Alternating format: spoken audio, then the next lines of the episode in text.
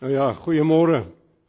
Broers en susters. Dit is my weer 'n voorreg vir my en Sonja om saam met julle te wees. Ek gaan net twee verse vir ons lees. Julle sal kan seker raai waaroor ek gaan preek. Uh Johannes hoofstuk 1. Ek gaan net vers 1 en vers 14 lees. Uh eintlik is vers 14 ons teksvers vir al vyf geleenthede. Maar uh, soos ek die eerste keer aangetoon het, is vers 1 en vers 14 baie duidelik kennelik aan mekaar gekoppel met vers 2 tot vers 13 uh tussen hakkies by wyse van spreuke iets van 'n uitbreiding op vers 1. In elk geval vers 1 sê ek lees weer uit die uh, 2020 vertaling. In die begin was die woord en die woord was by God en die woord was God. Vers 14 en die woord het vlees geword en onder ons kom woon en ons het sy heerlikheid aanskou, 'n heerlikheid soos die van die unieke seun van die Vader, vol genade en waarheid.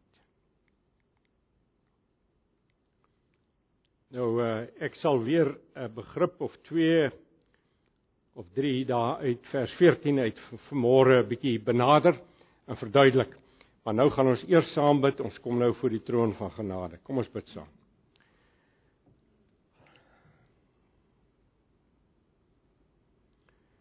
Onse Vader in die hemel. Die voorreg om met U in gemeenskap te tree is van onuitspreeklike waarde. Is inderdaad nie volste sin van die woord te voorreg. En ons weet dat dit alles te doen met die feit dat ons oorgebring is vanuit die eerste Adam en verenig is met die laaste Adam toe ons weer 'n keer gebore is. Ons dankie dat ons Adam sy werk verbond met u volmaak gehoorsaam het en dat ons daarom synde met hom verenig is voor u leef in terme van 'n genadeverbond hier lê ons hier lê ons vrymoedigheid. Hier's die wortels daarvan, die die penwortel daarvan. Dit beteken nie dat ons u nie respekteer nie. Dit beteken dat ons nie met ontzag vir u vervul is nie. Want u is onbeskryflik groot en heerlik en heilig. Ewig, ongeskape. Een van die wonderlikste avonture van ons lewens is. Miskien die wonderlikste avontuur van ons lewe is om U die drie enige God al hoe beter te leer ken. Dis die hart van ons erfenis, dis die hart van ons roeping. Ons bid is dat ons inderdaad sal voortgaan om U meer en meer te leer ken om te verstaan wat u oor uself van ons geopenbaar het om met u in gemeenskap te leef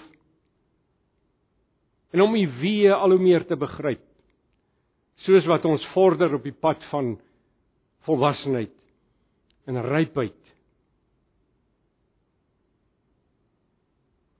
En ons dankie vir die gawe van die Heilige Gees want dis by uitnemendheid waarom hy gekom het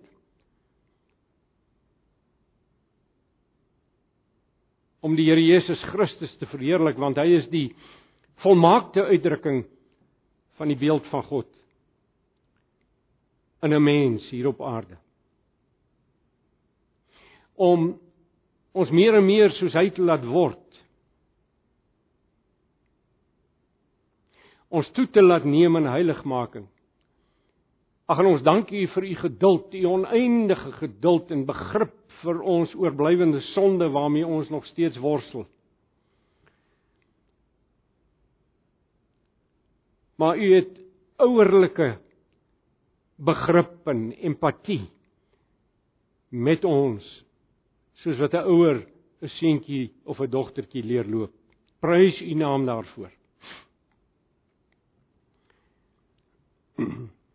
Onse Vader, dit is vir ons 'n baie groot voorreg om saam te wees as as die gesin van ons Vader. Om saam te wees as die die verloofde bruid van die Here Jesus Christus. Om saam te wees as die tempel van die Heilige Gees. Die liggaam deur wie hy werk.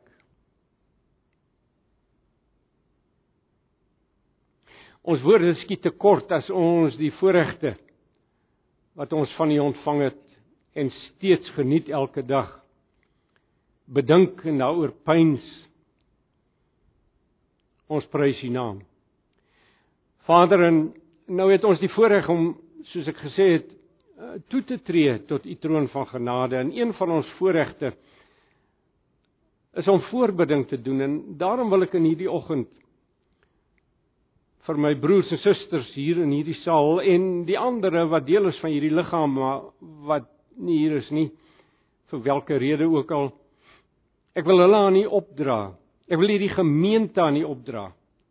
Korporatief gesamentlik as gemeente maar elke individu elke lid ledemaat van hierdie liggaam Here, die begeerte van ons hart is dat U groei sal gee, groei in heiligmaking, groei in kennis van die Here.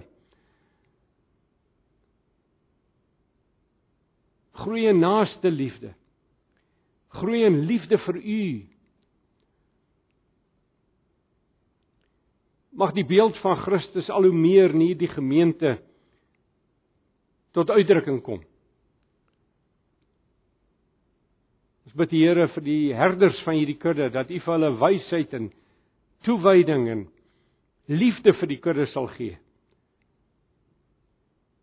Dat U hulle gawes sal gebruik nie net om te regeer nie, maar in besonder ook om pastoraal te versorg. Ons bid vir diegene in ons midde wat alleen is vir watter rede ook al wat eensaam is. Ons weet hier is heelwat, heelwat mense, meer bejaarde mense wat eensaam is.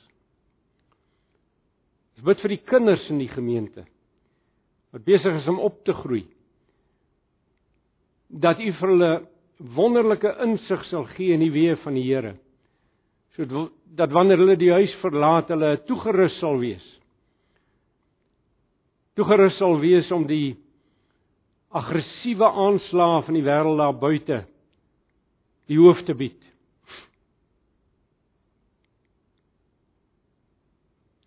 Ons bid Here vir die mense wat in die vleur van hulle lewens is. Dit is baie besondere jaar hierdie. En hier is sekerlik broers en susters wat ook finansiëel swaar trek in hierdie dae. Bid dat U na alles omsien. Ons dankie dat ons die belofte het wat vaster staan as die berge dat elkeen wat eers die koninkryk van God soek deur U versorg sal word.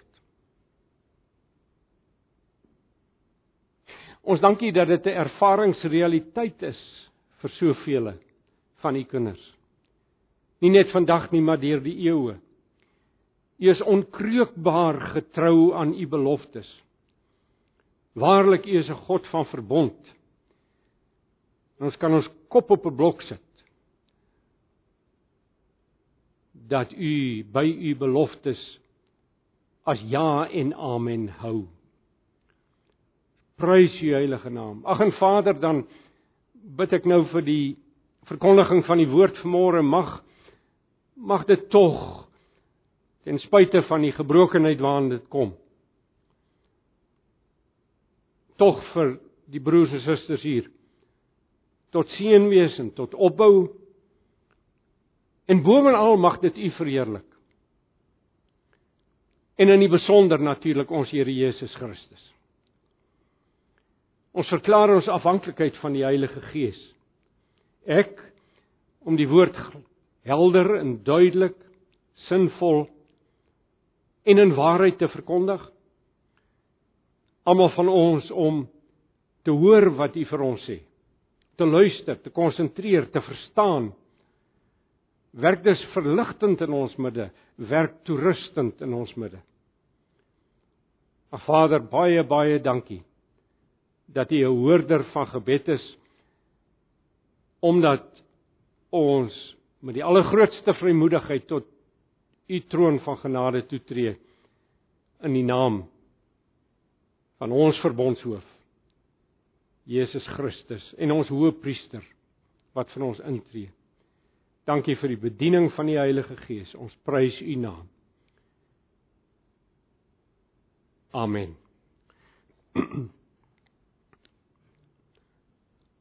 Nou ek wil vandag dat ons kyk na hierdie vers 14 en spesifiek na die begrippe die heerlikheid van die unieke seun. Die heerlikheid van die unieke seun. Die uh, apostel het ons apostel Johannes hier het onder inspirasie van die Heilige Gees soos ons die eerste keer gesien gesien het 'n baie verhewe woord gebruik om van die Here Jesus te praat. Hy uh, hy noem hom die woord. Ek het vir julle verduidelik waarom hy spesifiek hierdie hierdie benaming, hierdie betiteling gekies het. Baie verhewe en is 'n baie gelaaide begrip. Maar wat ons moet begryp en ons het toe nou die volgende keer gekyk na die feit dat hy ware mens was, verlede keer gekyk na die feit dat hy ware God was of is, ekskuus tog. En natuurlik steeds die ware mens is teenwoordige tyd. Maar wat ons moet verstaan is hy is 'n unieke mens. Hy hy's hy's volkomme mens ja, maar hy's nie 'n gewone mens nie. Luister na die twee begrippe. Hy's volkomme mens, maar hy's nie unieke mens nie. Ag, ekskuus tog, ek het my nou verspreek. Hy's nie hy's volkomme mens, maar hy's nie gewone mens nie. Vergewe my daarvoor. Nou, dit se sit in hierdie baie swaar gelaaide begrip woord. Baie belangrike begrip. Die unieke seun wat ons in die uh, in die uh, direkte Afrikaanse vertaling die nuwe een kry die ou vertaling vertaal die eniggebore seun en die nuwe Afrikaanse vertaling die 84 vertaal die enigste seun Engelse vertalings heelwat van hulle gebruik the only begotten uh dis vertalings van die Griekse woord monogenes nou hierdie woord uh het nogal vir heelwat uh verwarring uh, gesorg in die in die geskiedenis. Ek mag net sê dat die nuwe Afrikaanse vertaling en die direkte Afrikaanse vertaling is korrek. As dit afwyk van die woord die uh, die die wat het ek hom genoem die eniggeborene en vertaal soos die direkte Afrikaanse vertaling die unieke seun is presies wat die woord beteken. Nou dit word baie goed definitief bevestig as 'n mens gaan kyk na waar hierdie woord elders in die Nuwe Testament gebruik word. Nou ek gaan nou nie ek gaan nou nie ingaan om dit te verduidelik nie waarom dit in motiveer waarom ek sê dis korrek nie. As daar van julle is wat wil kontroleer, kan julle na my webwerf gaan kyk waar ek 'n baie langer artikel oor hierdie gedeelte geskryf het en dit volledig gemotiveer het. Maar wat ek dus wil hê is dat julle sal verstaan dat Johannes vir ons sê hier dat Jesus die enigste die absoluut unieke mens is. Hy is die enigste die absoluut unieke mens. Dis ek moet gesê die vertaling van die direkte Afrikaanse vertaling is korrek. Hy hy's nie hy's nie bloot verwek deur die Vader in die sin dat hy op 'n stadium as God gebore is en tot bestaan gekom het nie. Hy het van ewigheid af bestaan hy. Dis sy mensheid wat uniek is en wat nuut is. Maar baie ander mag ook kinders van God genoem word. Maar Jesus se seunskap is wesentlik anders as jou en my kindskap. Die seun, hoewel volkomme mens, bly ook waarlik God. Hy bly die skepper en die res van kind, God se kinders skepsele. Nou kan jy hulle vra nou hoekom is dit nou belangrik? Wel Jy sien op op die spel is die suiwerheid van die evangelie, die suiwerheid van die evangelie en die realiteit van ons redding. Slegs 'n middelaar wat waarlik in die volste sin van die woord en God en mens is, kan sondaars verlos. En ook wat nie net God is nie, maar ook unieke mens is. Sy uniekheid het ek laasweek uitgewys. Sit nie feit dat hy nie 'n erfgenaam is van die erfsonde wat van Adam afkom nie. Dit sit ook daarin. En slegs so 'n middelaar kan ons sonde skuld dra. Sonder homself onder te gaan. Maar jy kan begryp as hy as hy erfgenaam was van die van die erfsonde dan sou hy vir sy eie sonde moes sterf en nie vir ons nie. So jy sien die evangelie staan en val by die goddelikheid van Jesus Christus en dit staan en dit val by sy uniekheid. En dit sit nie die begrip die unieke seun, die monogenes. En dit is hoekom ek sê dit is 'n teologies swaar gelaaide begrip wat 'n mens moet verreken in jou in jou denke oor Jesus Christus, in jou geloof oor Jesus Christus, in jou omgang, jou gemeenskap met hom ensovoorts. Onthou dit. sien want as 'n mens kyk na hoe daar hoe daar vandag omgegaan word. Ek wil amper sê gesmous word met die naam van Jesus. Dan mis jy hierdie dimensie.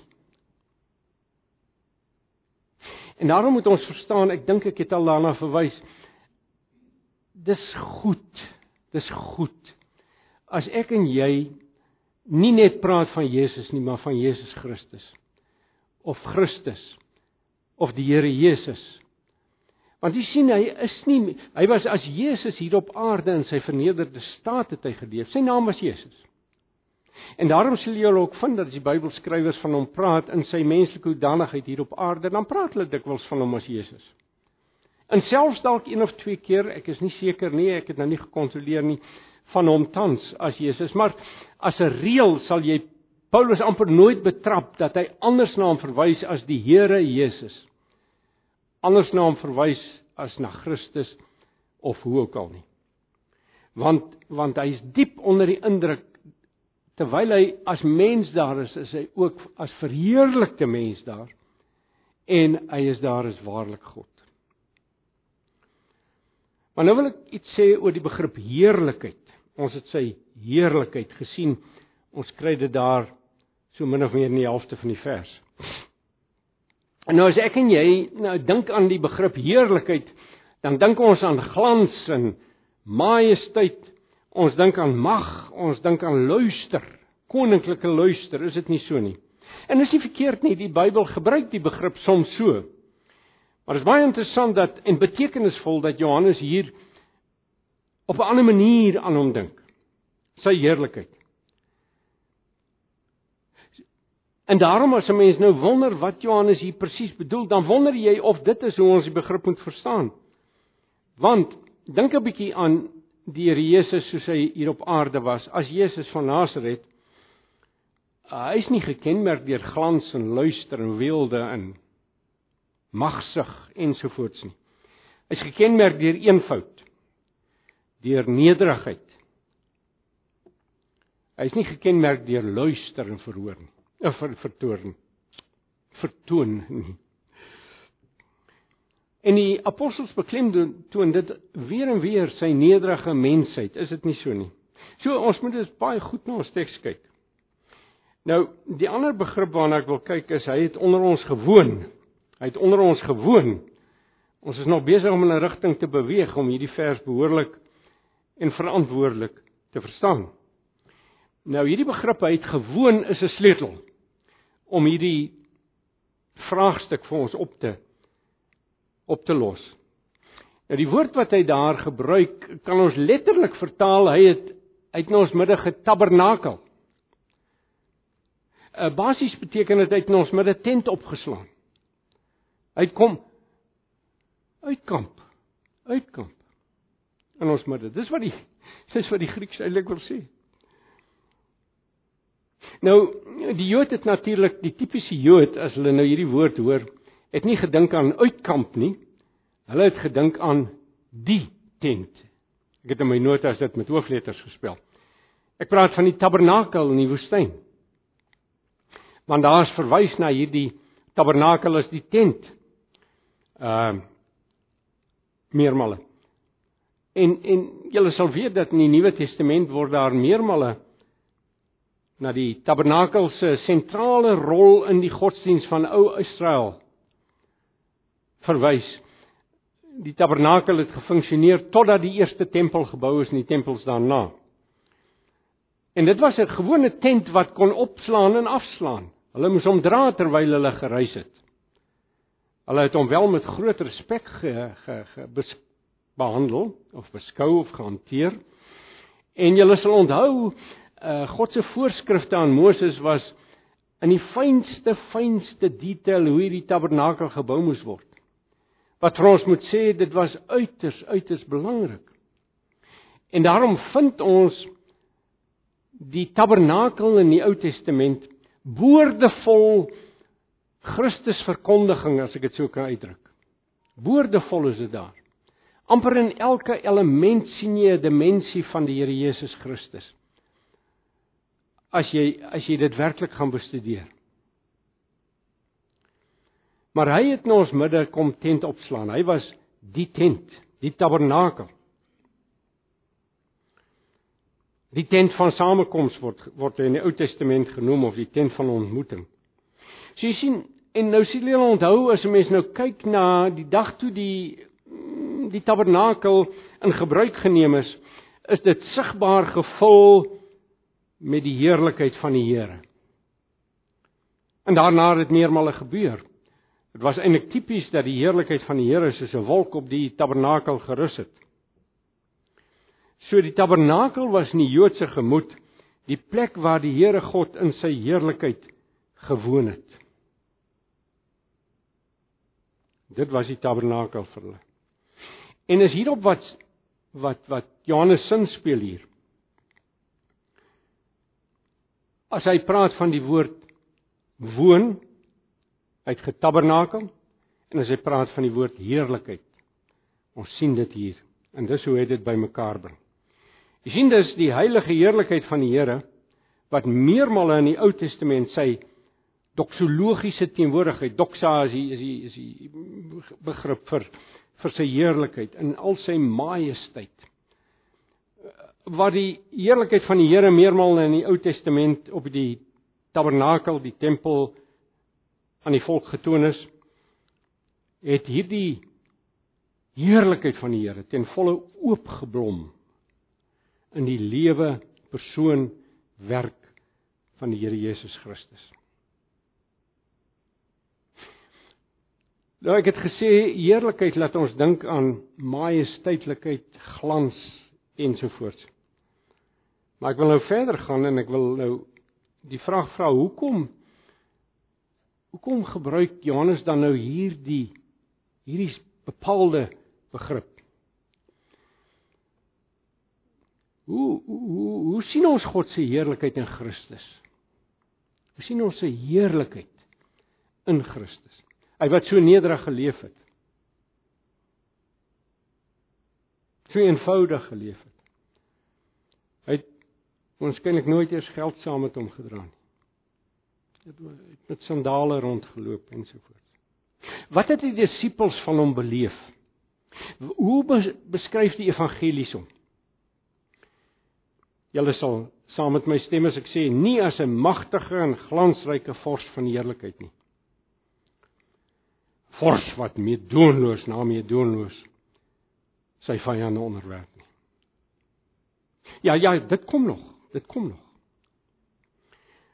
Maar mens sien hom as 'n nederige man wat jare houtwerk gedoen het. Eenvoudig houtwerk, 'n skaaf gestoot het en op op 'n ou gehug hier naas in 'n ou gehug hier Nasaret op die platteland se Galilea Ons sien 'n man wat in selflose diensbaarheid homself neergelê het vir sy naaste.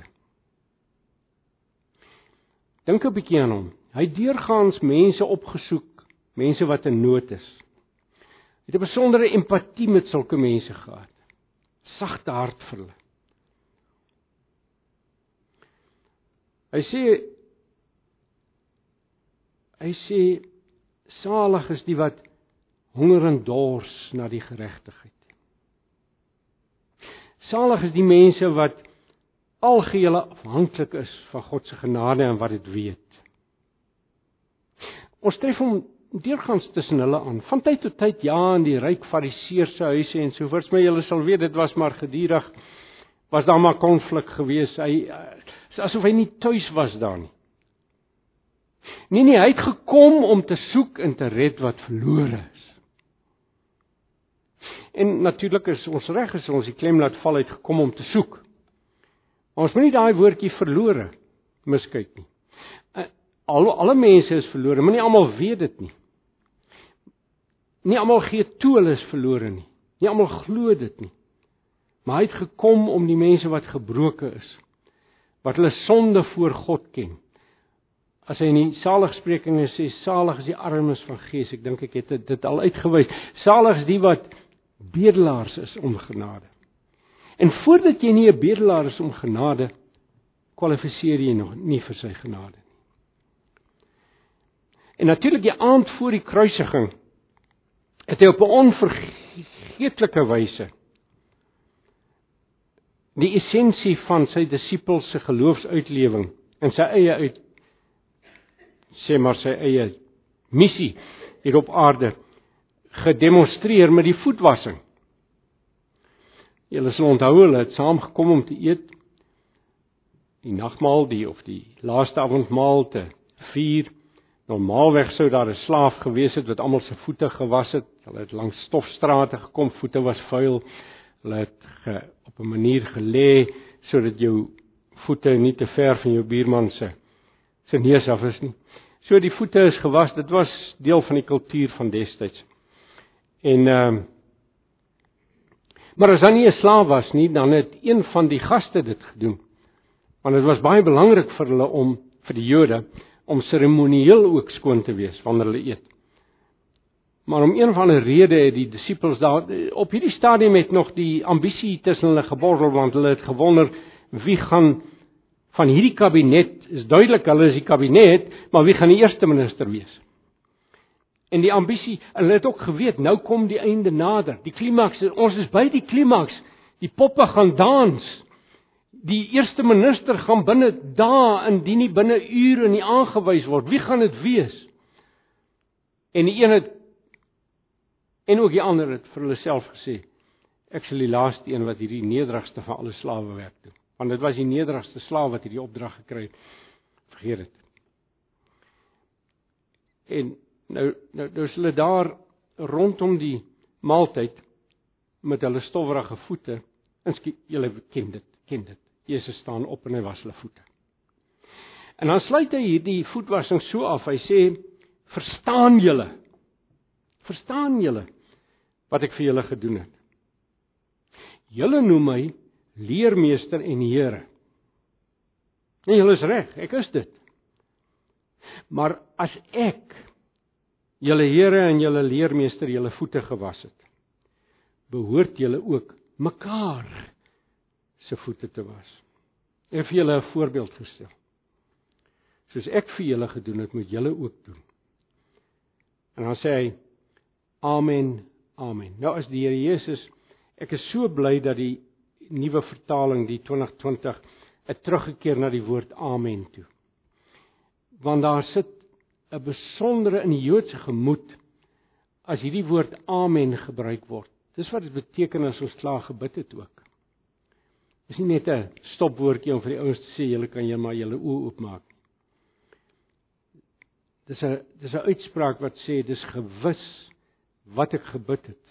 Dis gewis die waarheid. Dit staan so vas soos die berge. So as Jesus dit sê amen amen. Dan sê hy vir hulle 'n slaaf is nie belangriker as sy eie naar nie. Gesant is ook nie belangriker as die een wat hom gestuur het nie en julle weet dit nou. Julle weet dit nou. Geseënd is julle, gelukkig is julle as julle dit ook doen. Broers en susters, ek weet nie of die kerk van ons dag die gewigtigheid van hierdie uitspraak van die Here Jesus verstaan nie. Wat sê dit vir ons? ek het so 'n paar punte van toepassing wat ek net miskien 'n bietjie op sal uitbrei. Kan ek net iets tussen hakies sê hier? Dis die verskil tussen 'n lesing en 'n preek. 'n Preek het 'n toepassing by. Nou die eerste een is eerste punt van toepassing is dit Jesus se boodskap is baie duidelik aan sy gemeente. Sy boodskap is baie duidelik aan jou en my, aan ons, korporatief aan ons as individue. Jy is geroep tot diensbaarheid. Dis onontkombaar duidelik. Dwars deur die evangelies. En jy leef dit of in integriteit uit of jy sou gelaat. En jou geloof is te vergeefs. Dis een van die merktekens van die wedergeboorte, weet julle, 1 Johannes eh, hy gee vir ons 'n hele aantal merktekens van wedergeboorte daar. Doen jouself die guns en lees weer deur die eerste brief van Johannes en merk merk daardie merktekens. Vra jouself af, is dit waar van my? Is dit waar van my? Hy sê daar in 1 Johannes 3 vers 14 tot 16 skryf die apostel Johannes, hierdie einste apostel. Ons weet dat ons klaar uit die dood na die lewe oorgegaan het. Ons weet dat ons na die lewe oorgegaan het. Want redegewende voegwoord.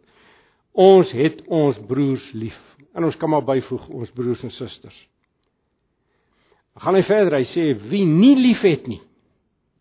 En dis nou dienende liefde, hoor. Dit is dit is die agape, dit dit is waaroor dit gaan. Wie nie liefhet nie, bly in die dood. Hieraan weet ons wat liefde is. Julle vra my, wat is hierdie liefde? As jy hieraan weet ons dit, Jesus het sy lewe vir ons afgelê. Ons behoort ook ons lewens vir ons broers en susters af te lê. Hy die teks sê net broers, maar dis hoe hulle destyds gepraat het, maar julle begryp die susters is ingesluit. So broers en susters, ons mag, ons mag, ons mag hierdie roeping nie miskien nie. Ons mag dit nie geringskat nie. As jy nie 'n dienskneg is in die gemeente van die Here en, en, en daar's duidelike aanduidings in die skrif dat hierdie diensbaarheid ook oorspoel na die wêreld toe om ons. As ek en jy nie diensknegte is nie, is ons geloof 'n geloof in aanhalingstekens is ons vertroue dat ons gered is te vergeefs. Tweede punt van toepassing. Maar is ewenigs wesenlik belangrik om te verstaan dat ons nie gered word op grond van ons dienswerk nie. Dit is baie belangrik om dit te verstaan. Ons word gered deur die geloof alleen in die volmaakte middelaarskap van Jesus Christus geloof alleen. Dis die tweede punt wat ek net die spyker wat ek wou inslaan sodat daar geen misverstande is wat dit betref nie. Dit is baie belangrik. Want die oomblik as ons iets by die verdienste van Christus voeg, diskwalifiseer ons onsself. Dit is verstommend hoeveel van hierdie uitsprake in die Nuwe Testament is wat ons waarsku dat jou geloof te vergeefs kan wees, dat jy jouself mislei, dat jy nie op pad is na die ewige saligheid soos jy glo nie en soos wat biljoene mense in die wêreld vandag glo en net 'n fraksie van hulle sal die ewige saligheid beerf. Ek is daarvan so oortuig as wat ek hier voor julle staan. En my gebed is dus as ek daaraan dink, Here, mag ek een van daardie wees wat wel die saligheid beerf. Kan julle dink wat 'n oomblik gaan dit wees as ons voor die groot wit troon verskyn, voor die groot regter eendag verskyn? en hy keer die skape en die bokke van mekaar af. Wat 'n oomblik gaan dit wees. Ek kan my nie indink. Ek kan my nie indink nie. Ja, ons kan roem ons het geloofsekerheid. Ek weet ek is gered, ek weet ek is wedergebore, maar dit gaan 'n gewigtige oomblik daardie wees. En een en elkeen van ons en ek self gaan daar staan. Ek sê ons word deur geloof alleen gered.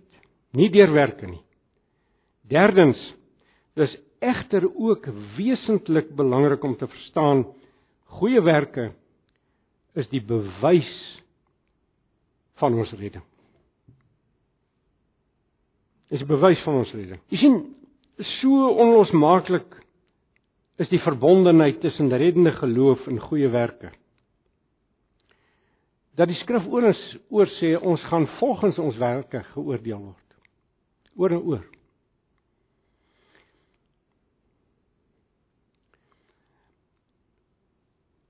Ek is gekweld in my hart oor baie dinge in in sogenaamde gereformeerde kringe. En daar word baie gemaak van die vyf solas. En die sogenaamde doctrines of grace wat reg is. Vir my toe ek die dag werklik gesien het al baie jare terug, dekades gelede, was dit vir my lewensverandering.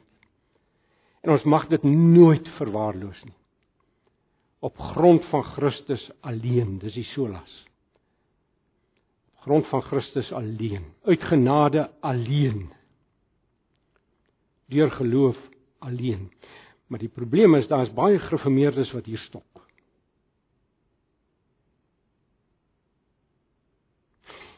En is 'n noodlottige nalatiging of dit kan wees. Want jy sien die hele formule volgens die Bybel gaan voort en sê ons word gered en ek wil hê jy moet dit baie goed verstaan. Ons word gered op grond van Christus se verdienste alleen of of vanuit God se genade alleen. Kom ons begin ons kry die orde reg. Vanuit God se genade alleen op grond van Christus se verdienste alleen deur geloof, geloof alleen tot goeie werke.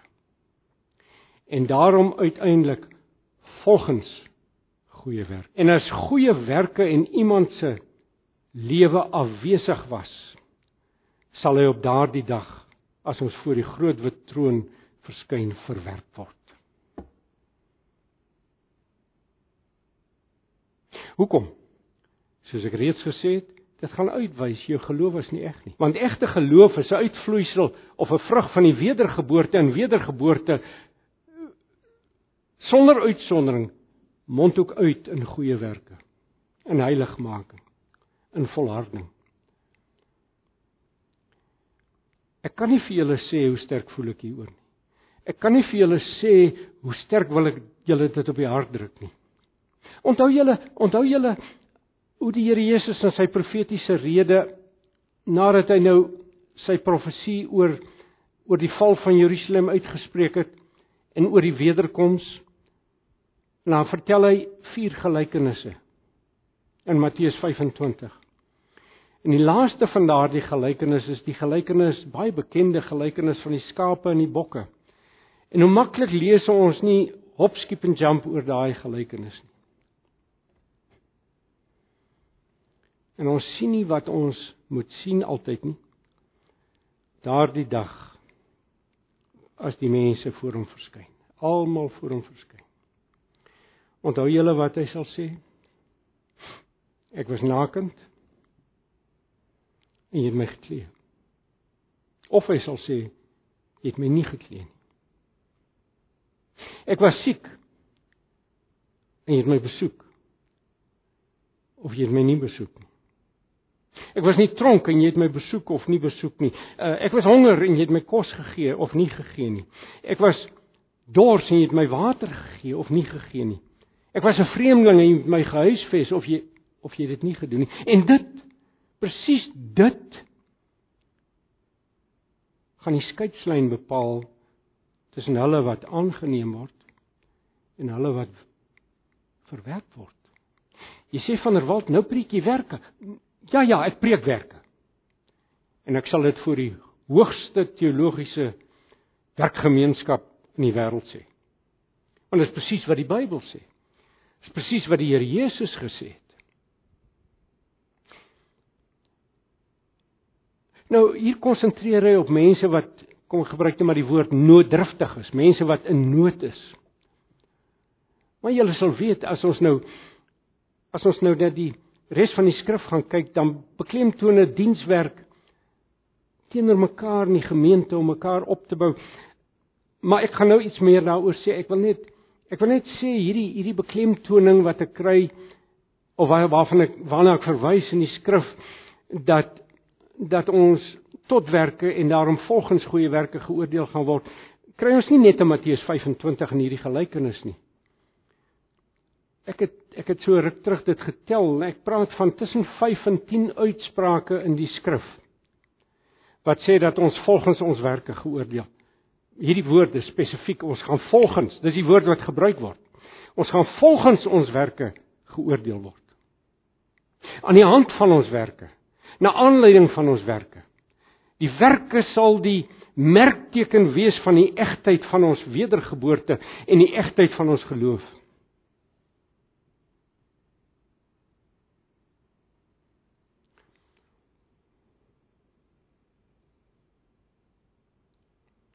So ons dien mekaar. Ja ja, daar is so iets soos barmhartigheidswerk wat ons nou noem, barmhartigheidswerk vir die armes en die ellendiges en die siekes ensovoorts. Maar maar dienswe en dis my volgende punt van van toepassing. Goeie werke kom op 'n duisend maniere tot uitdrukking in die kerk. Miskien is duisend te oordrewe, maar kom op talle en talle maniere tot uitdrukking. Nou, dit hang van baie faktore af. Is dit nie so nie? Dit hang onder meer van 'n mens se vermoëns af. Dit hang van jou gawes af. Dit hang van jou non-gawes af. Dit hang af van jou geleenthede. Dit hang af van jou gesondheidstoestand.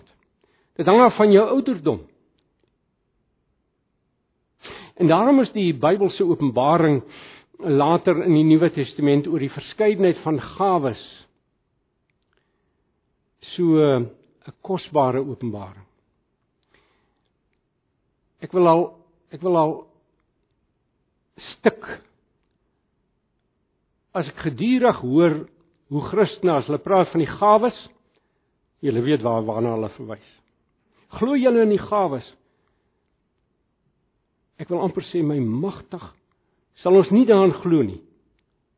Die Bybel is vol daarvan. Dit is die bekwaamhede wat die Heilige Gees vir ons gee na aanleiding van ons vermoëns en na aanleiding van ons omstandighede, na aanleiding van ons ouderdom, na aanleiding van ons materiële vermoëns, na aanleiding van ons gawes, na aanleiding van ons ervaring om broers en susters te dien en om die wêreld daar buite te dien. Jy sien dis baie belangrik. Ek wil dit ook net sê want van julle sal nou dink, wat doen ek nou? Die beoefening van my gawes, my dienswerk. Ek sê weer, is nie die bepalende faktor in my redding nie. As baie ou mense wat eenvoudig daar sit, hulle is verswakte bejaardes wat nou hier mag sit. Waartoe is hulle nou in staat? Wel, daar's min mense wat beter bid as bejaardes. Al is jy net in 'n kom ons sê maar 'n aftreeoord of in 'n 'n ouete huis en jy kan net jou die ou tannetjie langs jou in die kamer net gaan bemoedig, dan is dit kosbaar voor die Here. Selfs al verkondig jy nie elke keer na die evangelie nie, jy gaan bemoedig haar net, jy gaan vertroos haar net. Jy vat miskien vir haar alles net 'n stukkie sjokolade want sy kan nie meer toffies eet nie want sy het nie tande nie, laat sy daarom net ietsie kan suig. Al al al al doen jy net dit. Dis 'n uitdrukking van diensbaarheid. Jy bemoedig haar, jy maak haar dag. Is dit so nie? Die van julle wat kinders is, jy het nou nog nie die gesag om te sê wat ek sê nie. Jy sien op my ouderdom kan ek hierdie goed sê. Dis wysheid wat met die jare kom, maar maar maar dit hang van jou omstandighede af, jou vermoëns. Ons het doen gawes en ons het spreekgawes. Nie almal van julle kan kan agter 'n kateder staan en lering gee nie. Dis dis nie julle dis nie jou styl nie, dis nie jou gawes nie, dis nie jou vermoëns nie, maar jy jy's 'n dienskneg. Op 'n ander manier, ons praat van 'n dienskneg dikwels as die een wat die skottelgoed was en die toilette skoonmaak maar ons dien op 'n duisend maniere. Ag. Ons word gered uit genade alleen. Op grond van Christus se verdienste alleen. Deur die geloof alleen. Tot goeie werke. En uiteindelik volgens goeie werke. Een van die karakters of figure in die Bybel wat vir my tot die grootste troos is, is die misdadiger in die kruis. Ek het soveel vreugde in daai ou. Want jy sien daai ou is sonder goeie werke paradys toe. Sien hulle met my saamstem? Hy het nie goeie werke gehad nie. Hy het geloof gehad. En hy's gered. En die groot regter neem dit in ag. Hy neem dit in ag. Goed, 5. Is hoe die Here se heerlikheid nou gesien word in ons nederige diensbaarheid en selfaflegging. Dis soos wat ons sy sy wonderlike heerlikheid die Here Jesus se wonderlike heerlikheid gesien het in sy dienswerk hier op aarde vir die armes en die eenvoudiges en die siekes en die hongeriges. So word die Here se heerlikheid in ons lewens ook gesien as ons mekaar dien. En daarom waar daar gemeentes selfsug is en faksies en allerlei onderstrominge en waar daar trots is en ambisie is, dis nie 'n gemeente nie, dis 'n rowerspieelonk.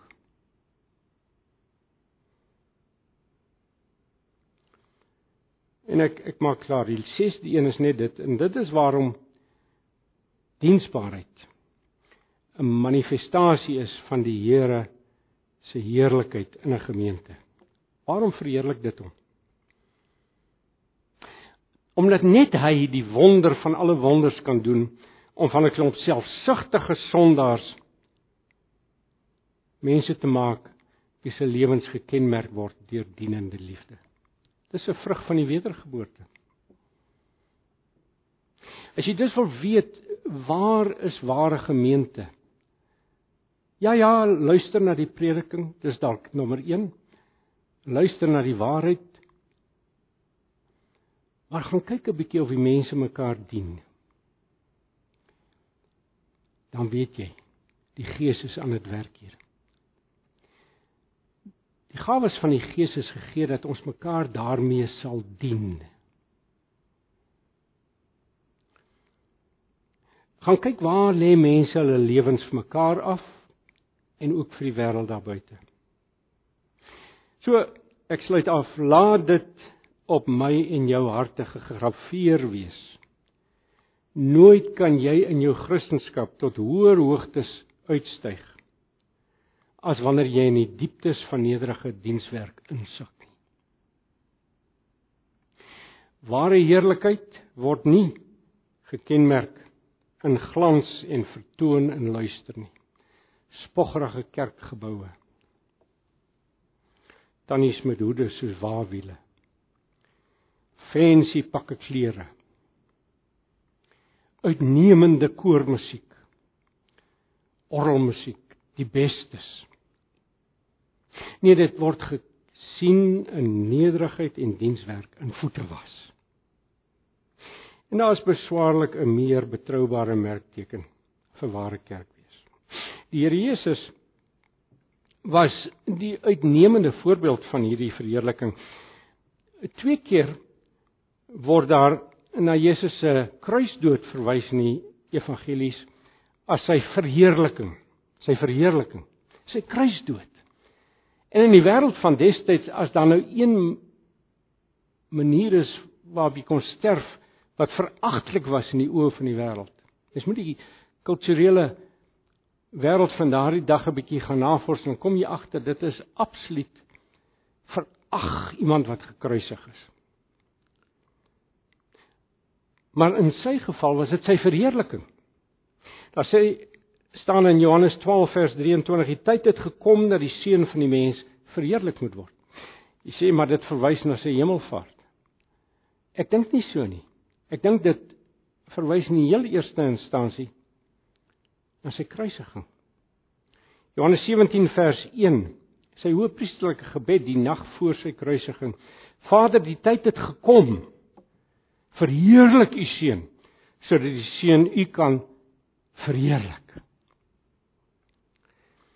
sien hierdie kruis wat deur die Jode en deur die Romeine met afskuw beheen is was sy troon van verheerliking. Nooit het die Here Jesus sy mense met groter oorgawe en diepga meer diepgaande effekte gedien as juis toe hy homself aan hierdie ergste van verskrikkinge oorgegee het nie. Ek sluit af met 1 Johannes 2 vers 6. Wie beweer dat hy in hom bly, behoort self ook te lewe soos Jesus gelewe het. Amen. Die volle gewig van hierdie woord sit in my. Amen. Kom ons bid saam. Vader in die hemel.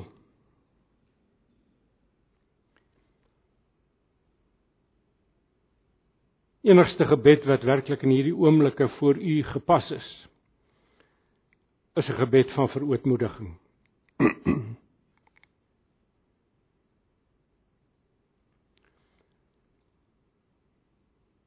Ons het vanmôre die woord van die Here gehoor. Ook ek het hom gehoor.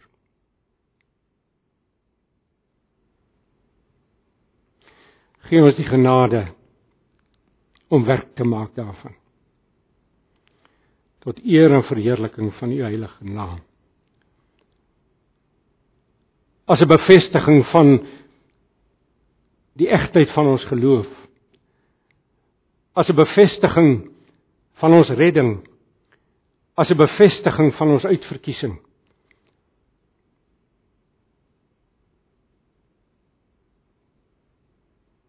Sal u die naprediker wees asseblief? Tot eer van u naam, maar inderdaad ook tot heil van u gemeente. Mag nou die genade van ons Here Jesus Christus